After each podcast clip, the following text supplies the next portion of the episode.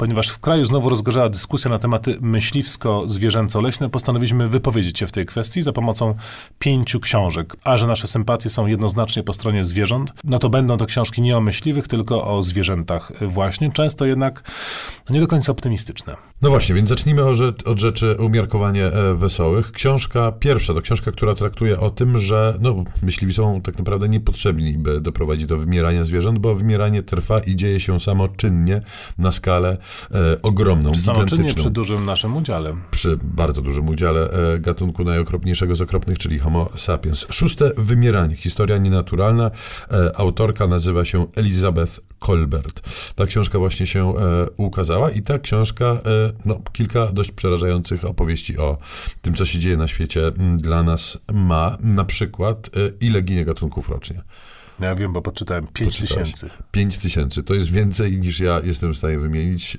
E, Przy mojej niż, aktywnej pomocy, tak. Prawda? E, ale nie tylko e, giną gatunki w tak okropnej e, ilości. E, wszystko wskazuje na to, że będziemy musieli się pożegnać ze na przykład płazami jako takimi, że zaraz w ogóle ich nie będzie, co o tyle jest to dziwne, że przecież towarzyszą nam hmm, no, znaczy, od... Nam jak nam, towarzyszą światu przecież od jakichś milionów lat, prawda? Wyprzedziły nas sporo i wydawało się, że będą trwać długo, a wydaje się, że jednak nie. A tu nic z tego. No i oczywiście e, pszczoły, o których wszyscy wiemy, że zaraz nas e, najprawdopodobniej też opuszczą i wtedy w ogóle będzie bardzo źle i nie będziemy mieli e, co jeść. Jednym słowem, książka Elizabeth Colbert jest e, książką, która próbuje opowiedzieć o tym, co się dzieje w przyrodzie, za co rzeczywiście w dużej mierze jesteśmy e, odpowiedzialni. Mm, niestety nie ma tu jasnych odpowiedzi na to, jak odkręcić tą nieprzyjemną sytuację z jednego prostego powodu, bo tej sytuacji odkręcić się po prostu nie da. Trochę pokrewny, ale jednak w inny sposób zrealizowany wątek pojawia się w wydanej przed paru laty reporterskiej książce francuskiego dziennikarza Jeana Rollin i ktoś rzucił za nim zdechłego psa.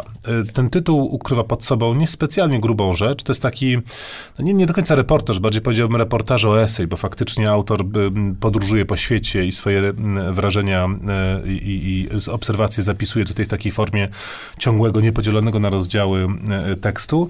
A przedmiotem jego rozważań jest stosunek ludzi do psów. No wiadomo, że psy zajmują w hierarchii zwierząt z takiego ludzkiego punktu widzenia dość szczególne, wyjątkowe miejsce od jednak... Przede wszystkim tych bezdomnych. Tak, chodzi to oczywiście psy bezdomne, ale w ogóle y, twierdzi, y, twierdzi Roland, że, znaczy pokazuje to w swojej książce, że stosunek do psów y, mówi bardzo wiele nie tylko o no, stosunku do zwierząt, co akurat byłoby dość naturalne, tylko w ogóle o kondycji pewnej cywilizacyjno-moralno-społecznej danej grupy, która ten, ten stosunek w ten czy inny sposób realizuje. On właśnie jeździ po świecie, jeździ po krajach i europejskich, i pozaeuropejskich, patrząc właśnie przede wszystkim na te psy bezdomne, na to, czy one są tępione, czy dokarmiane, jak one w jakiś, w jakiś sposób sposób wchodzą w relacje z, e, z ludźmi, e, czy są postrzegane jako zagrożenie, czy, czy wręcz przeciwnie. I z tego e, konstruuje pewien pewien właśnie, pewną obserwację dotyczącą danych grup i człowieka dziś w ogóle.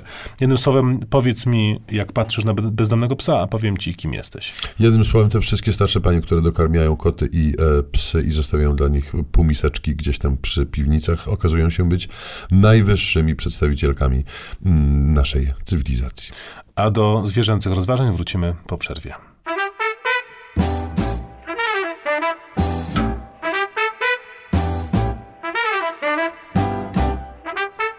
Piątka z literatury. Polecają Szymon Gloszka i Tomasz Pindel. Jako, że debata łowiecko-myśliwsko-leśna rozgorzała w Polsce ponownie, my zajmujemy się tematem zwierzęcym, jesteśmy za zwierzętami i za książkami o zwierzętach. I w pierwszej części audycji przyznaliśmy się do tego, że nie jesteśmy w stanie nazwać 5000 gatunków, które wymierają co roku, bo nie jesteśmy w stanie jakichkolwiek gatunków e, w takiej liczbie wymienić. E, I tu z pomocą przychodzi atlas. Atlas zwierząt, przepiękny, przecudowny, dużoformatowy. Atlas rysowany, co coraz rzadziej niestety się zdarza, bo najczęściej mamy do czynienia z atlasami, w których zwierzęta przedstawione są na mm, fotografiach. Animalium za rewelacyjne. Ilustracja odpowiedzialna jest pani Katie Scott, a e, za tekst pani Jenny Boom. Jest to książka adresowana chyba do dzieci i młodzieży, aczkolwiek mm, nie jest to jasne i oczywiste, gdyż tekst jest e, poważny i poważnie traktuje o zwierzętach i ich środowisku. Ale dzieci poważnie A- traktują zwierzęta zawsze.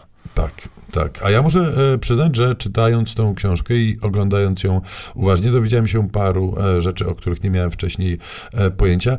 I rzeczywiście to jest też tak, że obcując z m, taką ilustracją, e, bardzo zwracamy na uwagę na detal. Mam wrażenie, że bardziej niż w wypadku zdjęcia. To znaczy, m, pewnie taki ilustrator też podświadomie albo świadomie właśnie zawiera m, na takiej ilustracji więcej informacji o zwierzaku niż na zdjęciu możemy e, dostrzec.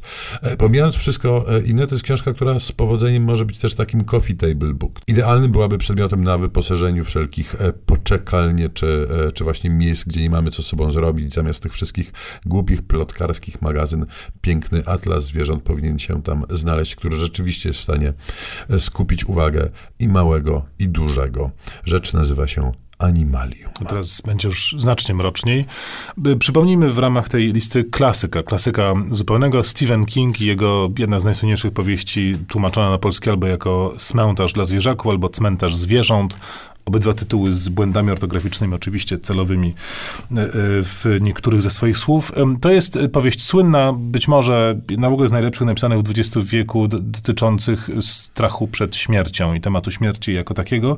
No ale takim centralnym motywem tejże jest oczywiście ten tytułowy cmentarz, na którym miejscowe dzieci chowają zwierzęta, ponieważ w miejscu, gdzie mieszkają bohaterowie tej opowieści jest bardzo ruchliwa droga, bardzo wiele zwierząt ginie i dzieci zakopują je w takim specjalnym cmentarzu, tyle, że potem oczywiście dowiemy się, że za tym cmentarzem jest jeszcze jeden bardziej niesamowity cmentarz.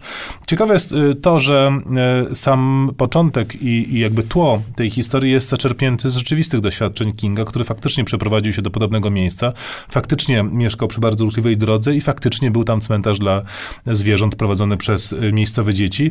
I wprawdzie w powieści sprawy przybierają bardzo mroczny obrót i pochowane na tym cmentarzu kot na przykład imieniem Church powraca jako coś w rodzaju kota zombie i jest dość przerażająca. To dopiero początek przerażających wydarzeń. To jednak sam fakt tej dziecięcej y, troski o pośmiertne y, losy zwierząt jest y, ujmujący i myślę, że przynoszący zaszczyt tej właśnie młodszej części ludzkości. A na koniec książka, która smutno się zaczyna, ale kończy happy endem. I ma tytuł fantastyczny do naszego programu. Tak, tytuł ma fantastyczny. Straszna piątka. Straszna piątka. E, ta piątka składa się z ropuchy, szczura, nietoperza, pająka i hieny. Ich e, i jedynym marzeniem i ich jedyną potrzebą jest to, by być, e, by stali się lubiani, akceptowani i tolerowani przez tak zwane społeczeństwa. Em, Oni są takimi trochę lumpożulami, chciałoby się powiedzieć, tak wyglądają. Nie mają specjalnie pomysłu na, na to, jakby odmienić swój los i to, jak są postrzegani, aż nagle no właśnie, nagle przychodzi pomysł i wszystko się odmienia. Nie zdradzę, jaki to pomysł. E, powiem tylko, że ta książka przez niektórych mogłaby być traktowana jako podręcznik do zakładania mm, własnego biznesu i odnoszenia sukcesu finansowego, pomijając mm, sukces towarzyski oczywiście. Dodać trzeba, że mm, jest to przepięknie napisana i narysowana y, książka piórkiem i piórem. Wolfa Elbrucha. Tyle o zwierzętach na dziś. Pozdrawiamy Szymon Szczur-Kloska i Tomasz Oropuch-Pindel.